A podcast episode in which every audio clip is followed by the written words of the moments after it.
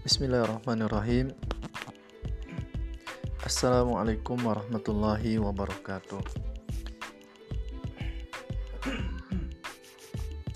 Alhamdulillah wassalatu wassalamu ala rasulillah wa ala alihi wa sahbihi wa mawala amma ba'du Alhamdulillah para mahasiswa sekalian uh, Ini adalah materi yang ketiga dari mata kuliah kita, mata kuliah fikih Pada materi yang ketiga ini kita akan membahas tentang fikih pada masa Khulafaur Rasyidin atau pada masa sahabat-sahabat uh, senior.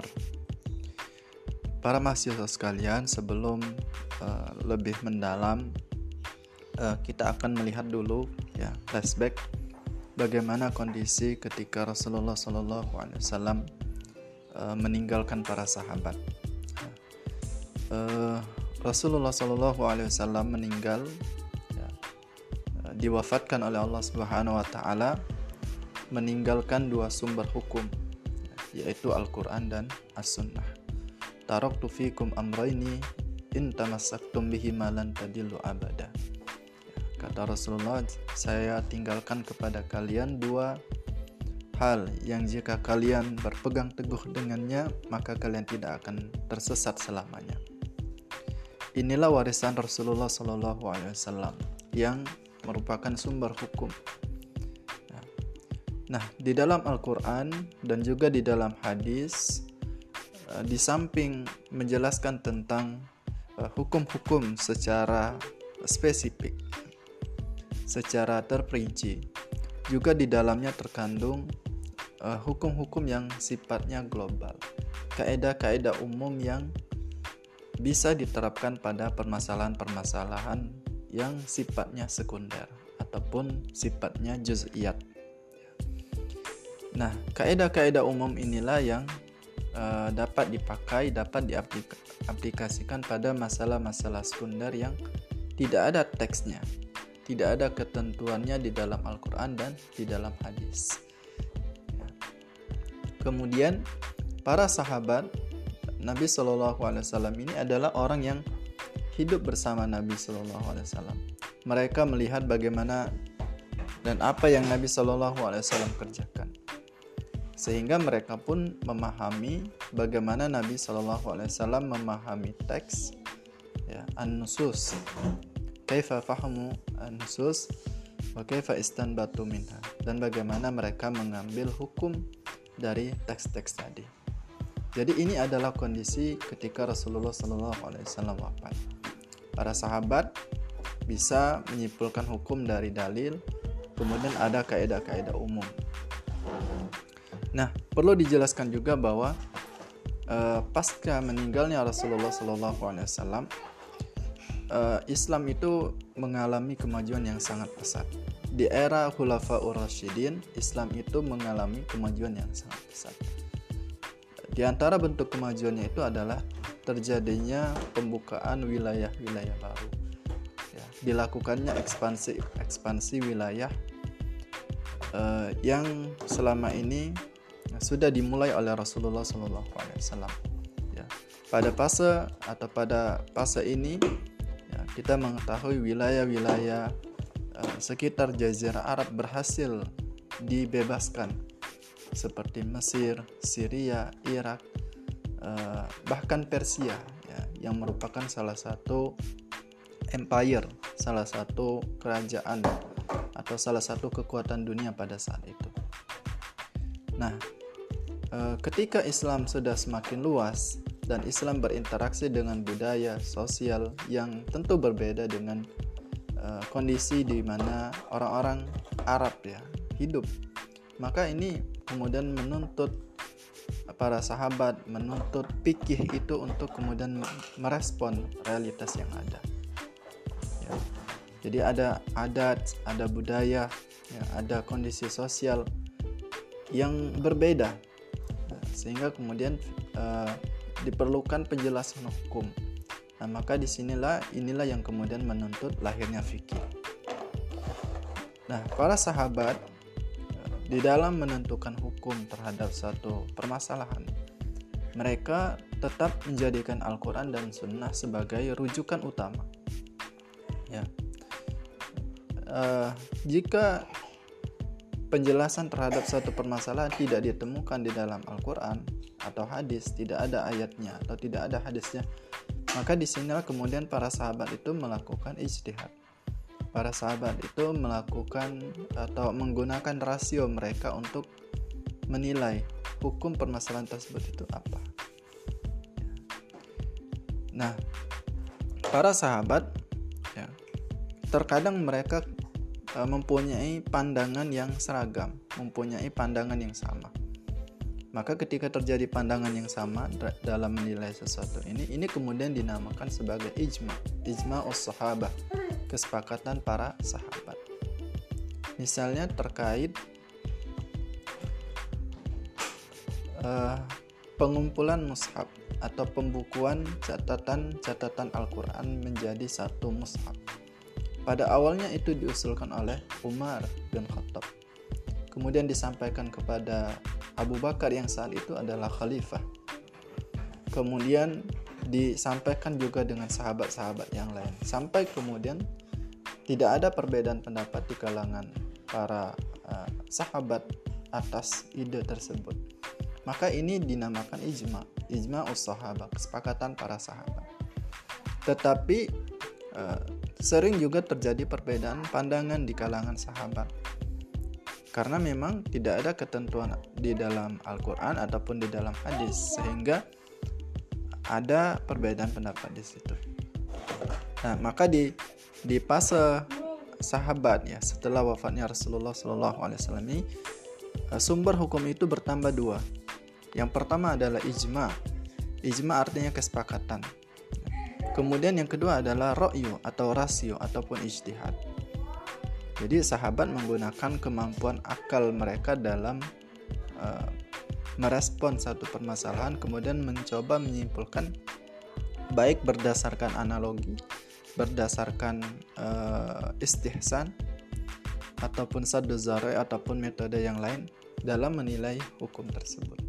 Jadi ada dua tambahan sumber hukum ya tidak hanya Al-Qur'an dan Sunnah tetapi ijma dan juga ar atau rasio.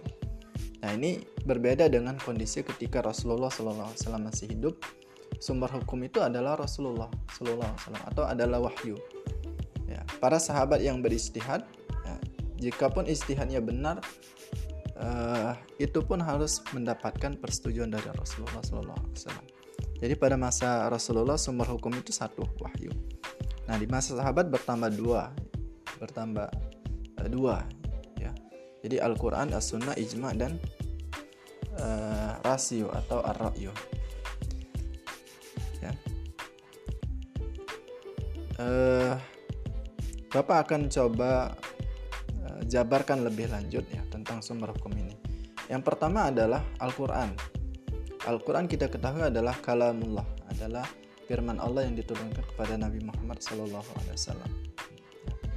Nah, Al-Quran ini tetap pada masa sahabat tetap sebagai sumber rujukan hukum yang pertama. Ketika ada uh, kandungan ayatnya yang secara zahirnya jelas, maka itu apa wajib diamalkan. Nah, tetapi uh, ketika ada uh, hadis-hadis yang uh, tidak begitu jelas ya, baik karena istirak lafzi, karena terkait dengan uh, teks teksnya ya, ataupun karena ada taksis.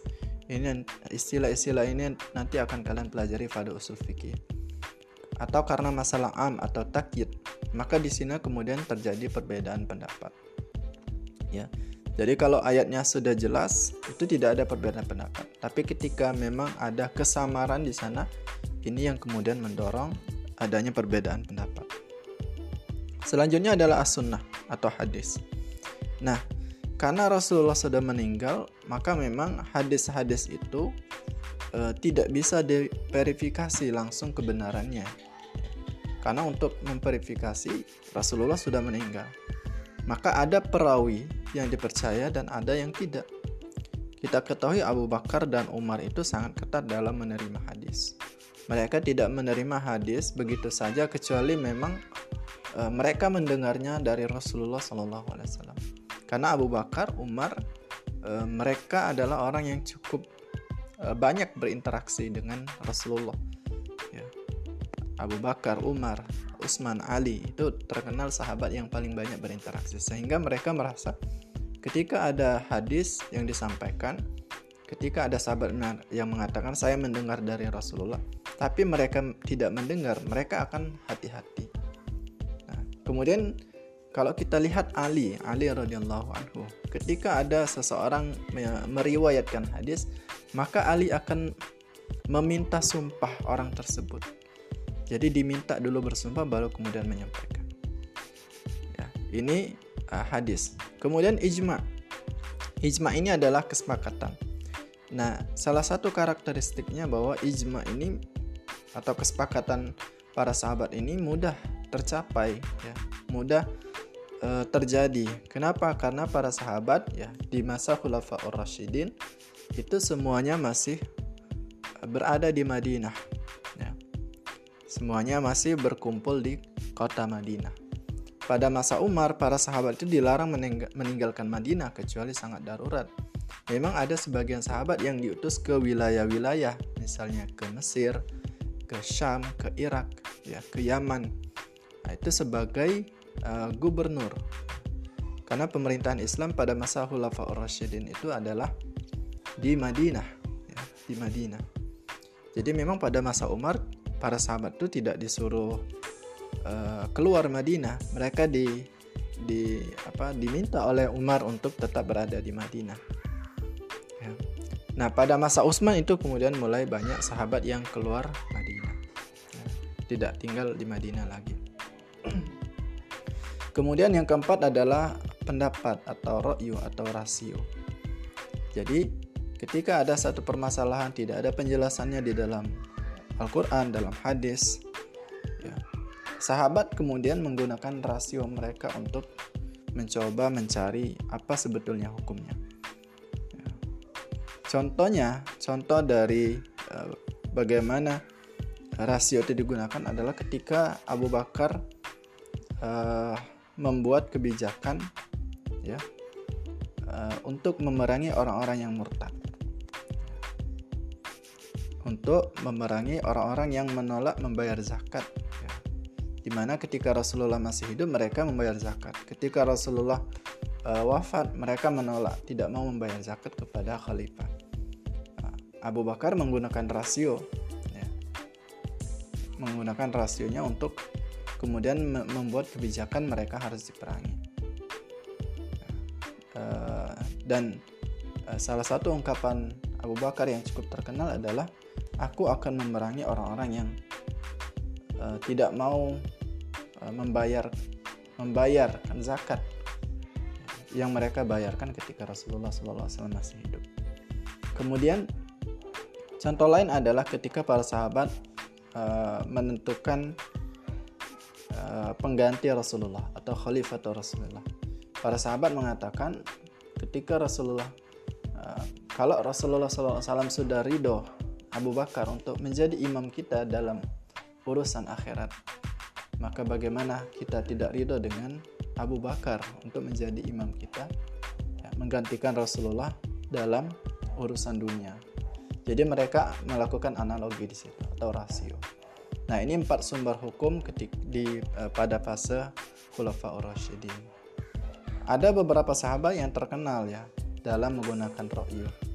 Abu Bakar, Umar, Ibnu Mas'ud, Zaid bin Sabit. Tapi yang paling menonjol adalah Umar bin bin Khattab. Nah, salah satu atau beberapa contoh dari penggunaan rasio yang dilakukan oleh Umar ada di antaranya adalah uh, Umar menghapus mu'alaf ya sebagai kelompok penerima zakat. Ya, walaupun di dalam Al-Quran sudah jangan, sangat jelas ya, bahwa orang-orang yang mu'alaf, orang-orang yang baru masuk Islam, atau orang-orang yang diharapkan bisa masuk Islam, atau tokoh yang kalau mereka diberi zakat mereka bisa mempengaruhi uh, kaumnya untuk masuk Islam. Itu kemudian dihapuskan, tidak dimasukkan oleh Umar sebagai kelompok yang berhak menerima zakat.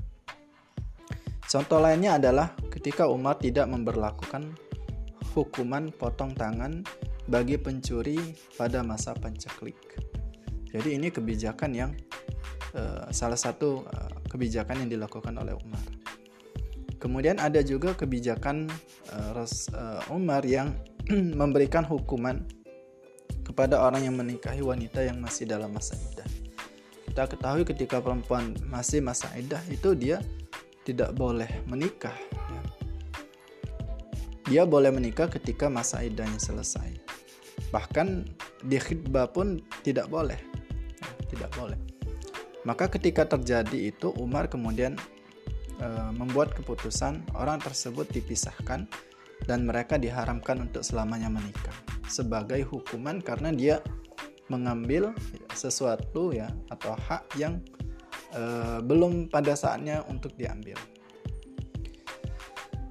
E, kemudian sebagaimana kita sampaikan atau Pak sampaikan tadi bahwa memang ada perbedaan pendapat di kalangan para sahabat. Ini wajar ya. E, tadi ada e, sebab ya sebab, nanti kita jelaskan sebab-sebabnya. Contoh ini Bapak sampaikan contoh dulu. Contohnya adalah iddah masa perempuan yang dicerai. Ya. Uh, ada perbedaan pendapat di sini. Abu Bakar, Umar, Utsman itu mengatakan tiga kali haid. Ya. Jadi ayatnya itu adalah walil mutallaqati wal mutallaqatu yatarabbasna bi anfusihinna kuru. Salah satu kuru itu dipahami oleh Abu Bakar, Umar, Utsman sebagai tiga kali haid. Sedangkan Aisyah dan Eh, Zaid bin Sabit mengatakan tiga kali suci. Kemudian ada juga contoh lain adalah iddah perempuan hamil. Ya. Iddah perempuan hamil yang meninggal suaminya. Nah, di sini juga terjadi perbedaan pendapat. Umar dan Ibnu Mas'ud mengatakan iddahnya waktu dia menunggu sampai dia boleh menikah adalah melahirkan. Ketika perempuan tersebut sudah melahirkan, maka dia boleh untuk menikah. Tetapi Ali dan Ibnu Mas'ud mengatakan iddahnya adalah mana yang paling lama. Karena berdasarkan ayat uh, tentang perempuan yang ditinggal mati suaminya, iddahnya adalah 4 bulan 10 hari. Sedangkan ada ayat yang secara khusus menjelaskan bahwa uh, wa ulatul ahmali yahmilna ajalahunna ayyadna hamlahunna jadi ada ayat eh, tentang perempuan hamil yang memang menjelaskan sampai dia melahirkan. Tapi ada ayat yang mengatakan perempuan yang ditinggal mati suaminya maka dia menunggu ya atau masa iddahnya adalah 4 bulan 10 hari. Nah, Ibnu Abbas mengatakan mana yang paling lama? Ya, yang paling lama itu adalah waktu dia sampai dia boleh menikah. Ini contoh perbedaan pendapat. Nah, sekarang kita lihat kenapa terjadi perbedaan pendapat di kalangan para ulama. Yang pertama adalah pemahaman ayat mujmal. Jadi di dalam Al-Qur'an karena teks itu dia mujmal, dia global. Ya. Maka di sini kemudian terjadi perbedaan pemahaman. Ya. Contoh, contoh misalnya ada kata atau lafaz di dalam Al-Quran yang mempunyai makna ganda yang mempunyai makna lebih dari satu seperti Al-Qur'u tadi Al-Qur'u dipahami oleh sebagian sahabat sebagai al-haid, sebagian sahabat memahaminya sebagai at-tuhru. Kemudian ada kontradiksi secara zahir. Contohnya adalah iddah perempuan hamil dan iddah perempuan yang mati suami tadi. Nah, kemudian ada contoh lain adalah prioritas ayat. Ya, contohnya adalah menikahi uh, kebolehan menikahi perempuan ahli kitab. Nah ini yang pertama, perbeda faktornya ya adalah pemahaman terhadap ayat-ayat yang mujmal. Kemudian yang kedua, kenapa terjadi perbedaan? Karena adanya perbedaan sahabat dalam e, merespon atau menerima periwayatan hadis. Ada para sahabat yang hati-hati dan ada para sahabat yang e, memberikan kelonggaran. Ada sahabat yang mendengar hadis dari Nabi, ada yang tidak. Sehingga apa? Sehingga ada sahabat yang mengetahui oh, hukum sesuatu, ada sahabat yang tidak mengetahui. Kemudian yang ketiga, kenapa terjadi perbedaan pendapat ulama? Uh, faktornya adalah karena memang kemampuan ya, kemampuan akal, kemampuan uh, apa namanya pemikirannya. Para sahabat itu berbeda-beda. Nah, jadi tidak semua sahabat itu adalah orang yang mampu melakukan istihad, mampu uh, melakukan analogi, mampu melihat hukum dari segi zarai ataupun istihsan ataupun yang lain. Nah, ini tiga faktor terjadinya perbedaan pendapat di kalangan ulama. Di antara para sahabat tersebut, kita ketahui bahwa tidak semuanya merupakan adalah ahli hukum atau fukoha. Jadi, para fukoha dari kalangan sahabat itu adalah mereka yang memang lama berinteraksi dengan Nabi. mereka meriwayatkan hadis dari Nabi dan memang terkenal mempunyai kemampuan nazar, ya, kemampuan untuk meneliti uh, Ibnul Qayyim di dalam kitab Ya'lamul Muwakkain itu mengatakan ada 130 sahabat yang merupakan ahli hukum. Nah, tokoh utamanya adalah Umar, Ali, Abdullah bin Asud, Aisyah, Zaid bin Thabit, Abdullah bin Abbas dan Abdullah bin bin Umar. Oke, sedikit lagi uh, jadi uh, perlu kita Bapak jelaskan ya bahwa uh, memang ada perbedaan pendapat di kalangan para sahabat. Ya, tadi dengan beberapa faktor yang Bapak sebutkan tadi, tetapi perbedaan pendapat di kalangan sahabat ini tentu tidak sebanyak perbedaan pendapat yang terjadi di fase setelahnya. Kalau pada fase Rasulullah itu tidak ada sama sekali karena ketika ada permasalahan semuanya harus uh, dikonfirmasi kepada Rasulullah sehingga tidak ada perbedaan. Tapi di pada pada fase sahabat itu mulai terjadi perbedaan pendapat tapi uh, kuantitasnya sedikit, jumlahnya sedikit. Nah, apa kemudian yang menyebabkan uh, perbedaan pendapat ini sedikit? Yang pertama adalah uh, penggunaan ya syuroh atau syuroh itu dipakai di dalam mengambil keputusan. Jadi Abu Bakar, Umar itu ketika ada satu permasalahan mereka akan mengumpulkan para sahabat lalu mereka akan melakukan musyawarah. Yang kedua adalah mudahnya tercapai ijma atau kesepakatan. Kenapa? Karena para tokoh sahabat itu ya, dan juga ahli hukum mereka semua masih berada di satu tempat yaitu Madinah. Jadi ketika ada satu permasalahan mereka akan musyawarah, mereka akan uh, mengemukakan argumentasi mereka, lalu kemudian bisa terjadi kesepakatan, bisa juga tidak. Tapi terjadi kesepakatan itu mudah karena mereka masih semuanya para sahabat itu masih berada sama-sama berada di Madinah. Kemudian yang ketiga adalah kehati-hatian sahabat dalam berfatwa. Jadi eh, ketika ada misalnya orang bertanya tentang satu hukum, maka tidak semua sahabat akan kemudian mengatakan hukumnya seperti ini. Tapi mereka kemudian mengarahkan kepada sahabat yang terkenal eh, mengetahui hukum-hukum fikih. Seperti Aisyah, Abdullah bin Umar, Abdullah bin Mas'ud misalnya yang memang terkenal. Maka karena tidak banyak sahabat yang berfatwa tidak banyak kemudian terjadi perbedaan pendapat. Kemudian yang keempat adalah belum banyaknya muncul masalah baru jadi permasalahan-permasalahan itu tidak belum banyak muncul. Sehingga memang perbedaan pendapatnya tidak banyak. Kemudian yang kelima adalah periwayatan hadis belum dilakukan secara masif. Jadi sahabat-sahabat itu walaupun mereka mendengar hadis dari Nabi tapi mereka tidak uh, berupaya menceritakan dengan apa namanya uh, meluas ya. Ini beberapa faktor perbedaan sedikitnya perbedaan pendapat di kalangan para sahabat. Maka uh, pada fase ini ya pada fase Khulafaur Rasyidin kita melihat ya fikih itu mempunyai karakteristik tersendiri ya, atau ciri tersendiri yang pertama adalah e, cirinya adalah fikih itu adalah fikih real, realitas. Jadi para sahabat itu membahas e, permasalahan fikih hanya permasalahan yang memang terjadi. Sama seperti ketika pada masa Rasulullah SAW. Jadi mereka tidak membahas e, bagaimana seandainya, ya, misalnya, misalnya ada satu permasalahan, kemudian seandainya seperti ini bagaimana? Jadi mereka menghindari hal tersebut. Mereka hanya membahas uh, yang memang benar-benar terjadi. Kemudian yang kedua adalah perbedaan pendapat sedikit. Seperti Bapak jelaskan tadi ya. Uh, faktor-faktornya adalah uh, tadi.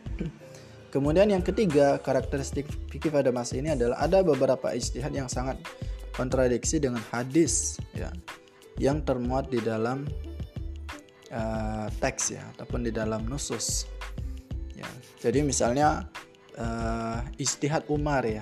untuk menghapus uh, kelompok orang-orang mualaf sebagai penerima zakat. Itu sangat kontradiksi. Kemudian yang keempat, belum ada satu kitab fikih yang tersusun di era ini. Jadi tidak ada fikih yang ditulis ya per bab misalnya dari awal bab toharo sampai dengan bab jihad itu tidak ada, belum ada. Kemudian yang kelima adalah ada perbedaan sikap dalam menggunakan rasio, menggunakan pendapat dalam menentukan hukum. Sebagian sahabat sangat hati-hati. Ya. Jadi e, memang seperti itu ya. Ada sahabat yang sangat hati-hati, e, tidak apa namanya, tidak mudah mengeluarkan hukum. Tapi ada sebagian sahabat yang memang dipaksa atau e, apa namanya harus menggunakan rasio ya, pada saat itu dengan kondisi-kondisi tertentu. Misalnya ini terutama pada zaman Umar ya, karena Umar itu pemerintahannya cukup lama, masa pemerintahannya cukup lama. Dan beliau menghadapi kondisi-kondisi ataupun situasi-situasi yang uh, baru ya, yang apa namanya berbeda ya, berbeda sehingga menuntut beliau untuk kemudian mengeluarkan kebijakan, mengeluarkan hukum yang mungkin uh, berbeda secara apa namanya secara zahir ya dengan teks-teks baik di dalam Al-Quran ataupun di dalam hadis Nabi Shallallahu Alaihi Wasallam. Nah, eh, inilah karakteristik fikih pada masa itu. Jadi fikih realitas, tidak ada perbedaan pendapat, sedikit ya, sedikit perbedaan pendapat. Kemudian para sahabat mulai melakukan istihad. Dan eh, yang terakhir itu adalah belum ada kitab fikih yang disusun ataupun ditulis secara eh, apa namanya, secara ya, secara lengkap ya sebagai satu kitab uh, sebagai satu kitab. Ini saja materi kita pada hari ini sebagai tugas ya. Silakan atau sebutkan kebijakan Umar bin Khattab ketika beliau memimpin yang mana kebijakan ini didasarkan pada yang mana kebijakan ini didasarkan kepada penggunaan rasio. Itu tugasnya. Tugasnya sebagaimana seperti biasa ya silakan ditulis tangan kemudian dilampirkan dalam tugas. Wallahu a'lam bisawab jazakumullah khairan. Assalamualaikum warahmatullahi wabarakatuh